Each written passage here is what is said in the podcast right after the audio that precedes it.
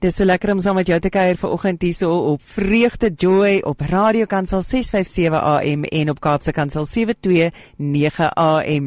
Ons het uh, sopas gesels met Tian Nel en as jy enige vrae vir hom het, uh, kan jy daarso uh, met hom kontak maak op Facebook by Hebrew People Events. Uh nou gaan ons voort met uh Koram Koram Dayo se inset wat ons gaan doen vir oggend. Um en ons gesels met 'n uh, Koos van der Merwe. Uh en uh maar kom ons groet eers. Hallo Koos, hoe gaan dit vir oggend? Ja, hallo Bertha, goed dankie daar by jou. Baie baie goed, dankie. Ek sien jy het jy het 'n lekker baadjie aan vir oggend. Uh jy lyk sommer speakeries. Baie dankie daarvoor. Ja, is tritsig hier by ons. Dis koud en is nat in George. o, lekker in George ja, by ons hier so in Pretoria is dit ook lekker kouerig. Ons het lekker reën gehad oor die nag en ons hoop dat dit sal aanhou 'n bietjie uh want die droogte uh, die hitte was 'n bietjie droog geweest die afgelope rukkie. So, ehm um, ons gaan gesels vanoggend 'n bietjie oor die wetenskap van geluk. En dit is my ja, dit is my so lekker uh ehm um, onderwerp om oor te gesels oor oor die wetenskap van geluk. Eerstens verduidelik vir ons wat is die wetenskap van geluk? Ehm um, die term the science of happiness kom daar uit Amerika uit ehm uh hier in die laat 90s. Uh maar die agtergrond is eintlik dat vir die grootste gedeelte van die geskiedenis het die sielkunde hom besig gehou met die siektes van die siege. Soos nou depressie of angs, neurose, obsessies, paranoia, delisies of waandenke. So daar's eintlik gefokus op dit wat die mens ongelukkig maak. Mm. En as die uh, toestande by jou nie afwesig is nie, dan is jy beskou as 'n psigiese gesonde mens. Wat 'n absurde idee eintlik dat al vir dekades uh, uh, so gemeen is. Dit was die sielkundige wetenskap. Maar daar's nooit gefokus, byna nooit op wat maak 'n mens regtig gelukkig nie. Wat laat 'n mens voel dat jou lewe 'n vervulde lewe is nie. Dat jy sinvol besig is en betekenisvol gelukkig is nie. So die gees geestesgesondheid is daarom vir 'n baie lang tyd meestal gedefinieer in terme van die afwesigheid van geestesiektes. Nou Bertha, hoe absurd is dit nou om te sê ek en my vrou is gelukkig getroud en jy vra vir my nou hoekom? Ek sê want ons slaan mekaar nie. Daar's nie geweld in hierdie nie. En ons vloek mekaar nie. As jy nou al die die die uh sogenaamde siekte toestande van 'n verhouding uitgeskakel het, nou is dit 'n goeie verhouding. Ja, nee, ons, ons verneek nie, mekaar ons, nie, ons ja.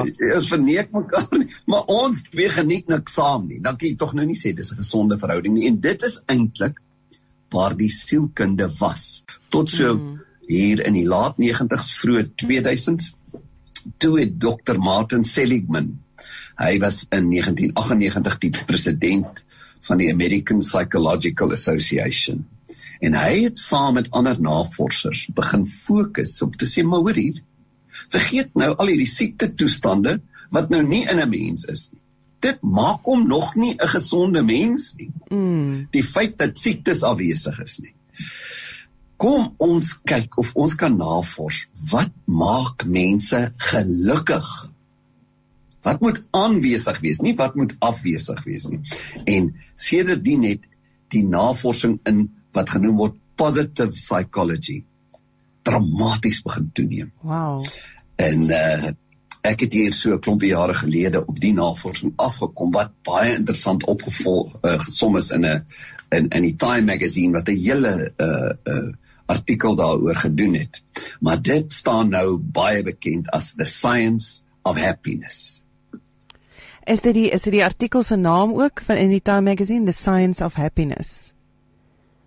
Uh ek dink dit was oor positive psychology of the science psychology. of happiness okay. maar dit was hier 'n uh, dit was 'n enige iemand wat dit Google uh, uh, uh Seligman se science of happiness in Time magazine sal baie gou op die artikel ook kan afkom en baie ander artikels daaroor Ek dink dis wonderlik is dis dis 'n wonderlike ehm um, konsep want want mens probeer eintlik maar fokus om alles dit wat verkeerd is reg te maak in plaas daarvan om ook te sien wat kan ons wat kan ons doen om ons lewens te verryk?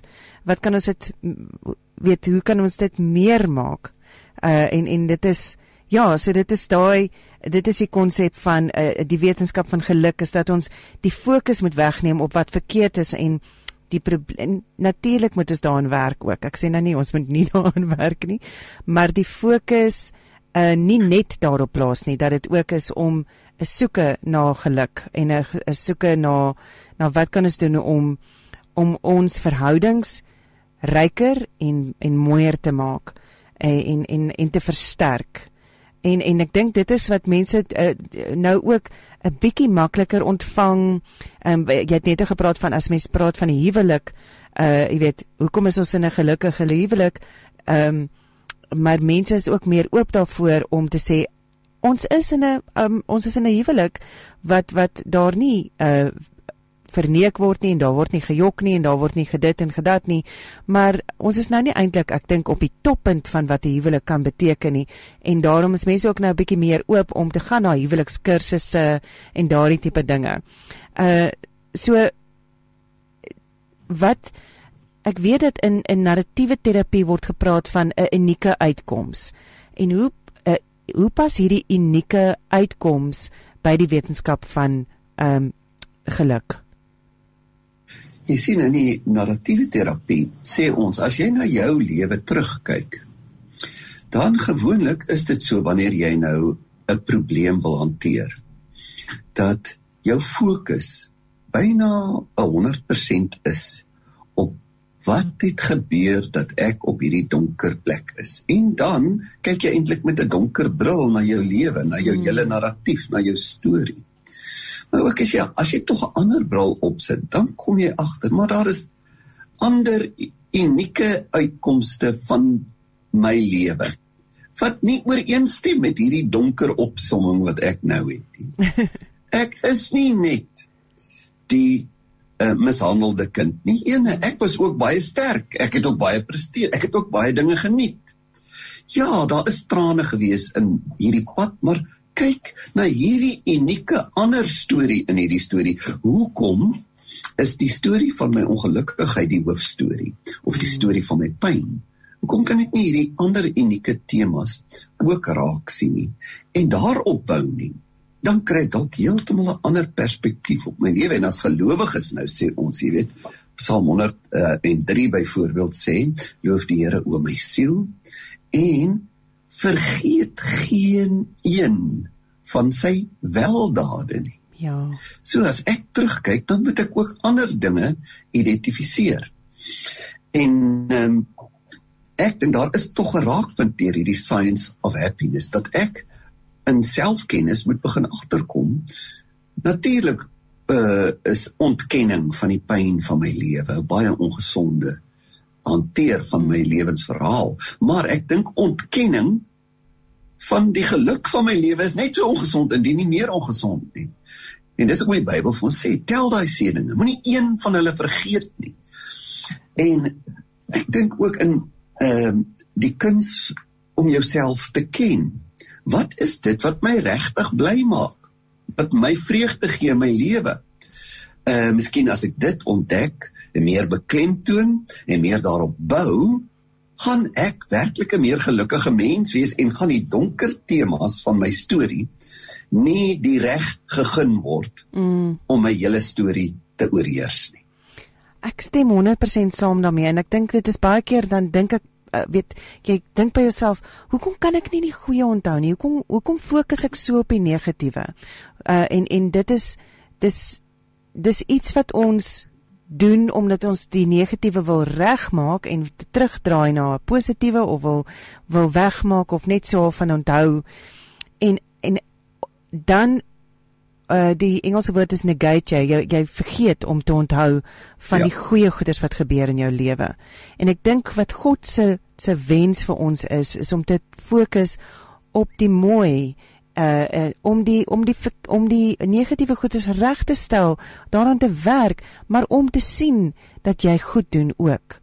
om ook bewus te wees van die mooi wat wat in jou lewe gebeur uh om dit ook raak te sien. Uh en en ek dink dit is my vraag, my volgende vraag wat daar uitsprei is, hoe kry ons dit reg om die fokus weg te trek van die negatief af en meer op die positief te sit? Wel, ek dink as as 'n um, mens weet bloot kennis is almag. En daarom wil ek sê dat hierdie science of happiness nogal 'n baie 'n goeie stuk toerusting vir 'n mens is. Want dis navorsing na duisende onderhoude met mense oor die wêreld het hulle eintlik 'n 'n 'n 'n opsomming gegee wat dit is wat eintlik alle mense meer blymoedig en gelukkig maak. Jy hoef nie die wiel te herontwerp nie. Hier ja. die science of happiness kan vir jou sê wat gaan jou gelukkig maak. En laat ek vir jou 'n paar interessante uh gevolgtrekkings uit hierdie studie noem, Bertha. Asseblief. Uh, daar uh, interessante antwoorde op byvoorbeeld drie vrae. Die eerste vraag is wat maak 'n mens meer gelukkig. En daar's drie hoofkomponente wat 'n gelukkige gemoed gemoed bevorder. En gegeewe natuurlik, uh ja, ek sal dit nou noem. Eerstens is om wesenlik betrokke te wees in diep verhoudings. Dis wat 'n mens meer gelukkig maak. Tweedens, om 'n lewe te leef wat 'n betekenisvolle verskil maak. Jy moet weet, maar ek wil eers iets verander. En derdens, om genotvolle aktiwiteite te hê. Hierdie is die drie dinge wat 'n mens meer gelukkig maak en dan vra hulle uh uh wat maak 'n mens nie meer gelukkig nie? Gegeewe dat 'n mens nie 'n gebrek het ten opsigte van jou basiese behoeftes nou nie, né? Natuurlik blyplek, voedsel en veiligheid. Maak die volgende faktore byna geen verskil in hoe gelukkig 'n mens is nie. Nommer 1 Onthou nou gegeewe jy het jou basiese behoeftes is aan voldoen. Ja. Maak ekstra finansiële inkomste byna geen verskil in 'n mens se gemoed nie. Jo. ek kon dit glo toe ek dit lees nie. Nommer 2, jy weet ek het jare gestudeer. Akademiese opleiding doen niks nie. Maak jou nie meer gelukkig nie. Derdens, hoë intelligensie maak jou nie meer gelukkig nie. En vierdens, jonkheid of jeugdigheid maak geen verskil in jou gemoed nie. En dan uh, Bertha, wow. as jy wil, kan ek vir jou noem. Hulle sê ook watter aktiwiteite het hulle nagevors help sielkundige pasiënte die meeste om beter te word. Mhm. Mm kan jy dit glo? Meer as medikasie. Wanneer hulle aangeleer het om dankbaar te word en met 'n vriendelike, onselfsugtige belangstelling ander mense te probeer help dankbaarheid en altruïsme. En daar's 'n paar ander interessante feite wat deur hierdie uh, navorsing in the science of happiness uitgewys word. Hoor net hier. Mense tussen die ouderdom 30 en 50 is minder gelukkig as die ander groepe. Ag, jene, maar jy's nou nog nie heeltemal daar nie, Bertha. Uh maar die rede wat lê. Ja, ek is in die middel van dit. Vryheid is die meeste aan bande gelê in daai ouderdomsgroep. Maar jy daar is jou groot verantwoordelikhede en verpligtinge. Mm. So jy moet dit al klaar weet. Hier in hierdie tyd van my lewe, hier is die druk. Mense tussen 20 en 24 luister hier, is 47.8% meer hartseer as mense tussen 65 en 74. What? So met ander woorde, vir 'n gemiddeld van 0.4 dae per, per maand as jy tussen 20 en 24 is, kan jy verwag om hartseer te wees. Terwyl en as jy ouer word, 2.3 dae per maand. Dis normaal. Ek gaan eers afdaai. En hier's ander interessant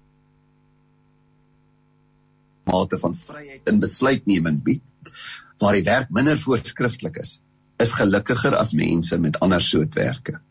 En dan hierdie een Bertha wonder wat sal die luisteraar sê. Getroudes. Ja. Is in die algemeen ja gelukkiger as ongetroudes. Kan nou jy maak jy my hart bly. Iemand het so gesê. Iemand het so gesê ek is gelukkig getroud en dis hel. Ek weet ek weet nie hoe dit is om ongelukkig getroud te wees. en dan mense wat 3 ure per dag TV kyk of meer is beduidend ongelukkiger as mense wat onder 3 ure kyk. Mense wat baie gereeld na sepies kyk, se behalwe nou seker se sewende laan, is ongelukkiger as hulle wat dit nie doen nie. Sjoe. En dan een of twee ander interessante goed. Mense wat 1 tot 2 glase alkohol per dag gebruik, kan jy glo, is gelukkiger as geheel onthouers. Ooh. ja. Uh, maar ons uh, hulle sê nou nie mense wat hulle dronk drink nie. Nee. En dan hierdie is vir my 'n besondere feit. Onthou dis sekulêre navorsing. Ja. Gelowige mense is gelukkiger as hulle wat sê dat hulle nie in God glo nie. Wow. En dan opsommender wys die laaste opmerking wat hulle maak. As hulle sê die room van gelukigheid, die 10% mense met die hoogste vlak van gelukkig wees en met die minste tekens van depressie. In met ander woorde die wêreldkampioene van geluk. Se drie uitstaande kenmerke bevestig maar net weer wat die Bybel sê. Hulle het sterk bande met gesinne. Mhm. Mm hulle het sterk bande met vriende. Mhm. Mm en hulle bring die meeste tyd deur met die mense vir wie hulle lief is. En as 'n mens so na hierdie navorsing kyk wat nou oor jare gedoen is, dan sê jy maar ek het dit eintlik geweet. Ja. Ons weet eintlik wat ons gelukkig maak. En as ons daardie basiese goed in ons lewe sê ek wil dit uitbou soos jy net nou gesê het. Ek wil nie net kyk waar is die krisisse en daarvan ontslaa raak nie. Ek wil kyk wat is die dinge wat my gelukkig maak. En dit begin aksentueer en daaraan aandag begin gee. Ek dink dis wonderlik. Ek dink mense moet dit regtig aanpak en en dit is so duidelik 'n uh, 'n 'n prentjie waar waar is hierdie inligting bekombaar want ek dink ek het nou verwoed gesit en skryf maar ek kan nie alles neergeskryf het nie. Waar sal mens so 'n uh, stukkie inligting bekombaar kan kry? Die die eerste artikel wat ek daaroor gelees het, daar was daar in die Time magazine van uh so ou sal dit kan Google 7 Februarie 2005 is hierdie opsomming gemaak, maar daar is baie op die internet van net the science of happiness. Maar Bertha, weet jy vir my, is dit ook belangrik dat ons as gelowiges uh besef. Uh, kyk, hier word nou bevestig, jy het al klaar 'n geweldige voordeel. Mm. Omdat jy 'n gelowige is. Ja. Jy het 'n sielkundige voordeel. En um, om dan ook deur jou Bybel te gaan en te sien hoe blydskap tot jou beskikking is. Dit is 'n produk van jou verhouding met God. En uh, en dan te sê ek ek omhels dit. Ek verwelk ek sien dit as 'n deel van wat die Here vir my gee. Die skrif sê dis 'n vrug van die Gees. Dis iets wat jy kan bewerk, hoef te bewerkstellig nie. Dis iets wat kom wat 'n uh, 'n gevolg is van 'n verhouding. Hmm. Maar oor en oor sê die skrif dit dat uh, blydskap is 'n produk. Kyk wat sê Jesus. Hy sê in Johannes 15 dit het ek vir julle gesê dat my blydskap in julle kan bly. Johannes 15 vers 11 jy het 'n bron.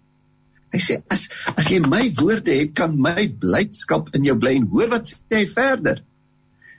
En julle blydskap volkome kan word. Wow dit is nie 'n soort van 'n pie in the sky verwagting nie dat ek 'n blymoedige mens kan wees nie en en ek sê dit nie as iemand wat van nature 'n baie sprankelende persoonlikheid het nie.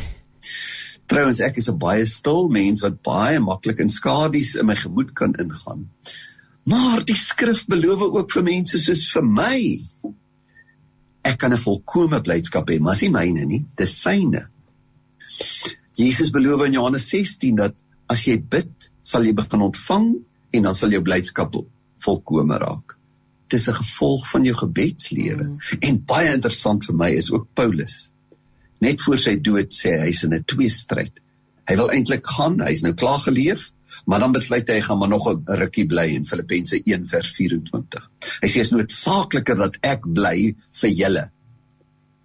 En dan sê hy hierdie ding: Omdat ek hiervan oortuig is, weet ek dat ek gaan bly. Ek gaan nie nou oorstap na Jesus toe nie ja vir julle almal behoue sal bly sodat julle kan toeneem in geloof en blydskap in julle geloof kan hê. Paulus sê die rede wat hy nie nou gaan oorstap nie, hy gaan nog 'n rukkie leef. Ek wil julle nog 'n bietjie blyer maak. En kan ons sulke mense in ons lewe hê wat bydra tot ons blydskap? Mm. Ek ek ek ek, ek dink dit is, dit kom ook daarop neer is dat uh, dit dit is die lewe bied vir jou uitdagings en die lewe bied vir jou um, berge om te klim maar dit is dit is jou verantwoordelikheid uh oor hoe jy daarop reageer. En wanneer jy daardie probleme voor Jesus se voete lê, gee hy jou die geleentheid om met sy vreugde gevul te word. En en wanneer jy dan sê, Here, vul my met die vreugde, dan uh, dan doen hy dit en dan kan jy voortbeweeg en die probleme oplos, maar in Jesus se vreugde en in sy liefde en in sy ondersteuning. Ehm um, ek weet ek weet jy's ook 'n teoloog, so ek weet jy kan kan bevestig of vir my sê Bertha nou is jy op 'n verkeerde pad. Nee, jy kan eintlik gaan teologiese klasse aanbied, Bertha. 'n Spesialis in blydskap. Maar ek dink as ons terugkom na die narratiewe terapie toe, mm. of waar meer Koramdae nou eintlik besig is, dink ek dat elke mens skuld dit aan jouself. Dat die dinge wat skeef geloop het, wat die trane en die hartseer en die pyn gebring het in jou lewe, nie domineer in hoe jy kyk na jou lewe nie. Daar is daar het ander dinge gebeur. Jy kan ook op daardie dinge begin bou. Jy kan hulle begin raak sien en sien dat daar is 'n tema van genade. Daar is 'n tema van beskerming. Die goed wat my gebeur het, ja, ek sit vandag op 'n donker plek, maar die feit dat ek hier sit sê ek is nie vernietig nie. Daar's 'n sterkte. Oh, Daar's 'n ja. stuk beskerming. Ek kan weer bou daarop ook. Absoluut. Ek dink dit is uh, ja, ek dink dit is waarmee ons ons luisteraars wil los vandag. Ehm um, is bou op dit in jou lewe en en sien die positief raak. sien die mooi in jou lewe en maak dit 'n keuse om om na God te gaan met jou probleme en om toe te laat om jou te vul met sy vreugde. Ehm um, ek gesels ver oggend met met Koos van der Merwe en hy's van Koramdayo en uh, as jy bietjie meer inligting oor die narratiewe terapie wil hoor, dan kan jy kyk na koramdayo.co.za. Daar is meer inligting. Hulle is ook natuurlik nou besig met hulle ehm um, met hulle inskrywings vir hulle kursusse vir volgende jaar. Uh wonderlike kursusse uh so gaan kyk 'n bietjie op hulle webtuiste wat is alles beskikbaar en jy hoef nie 'n teoloog of 'n sielkundige te wees om in te skryf nie kom leer 'n bietjie meer uh oor uh, die werkings van narratiewe terapie. Uh en dan ja, as jy bietjie meer wil leer van Koos van der Merwe, kan jy na sy webtuiste toe gaan koosvandermerwe.co.za.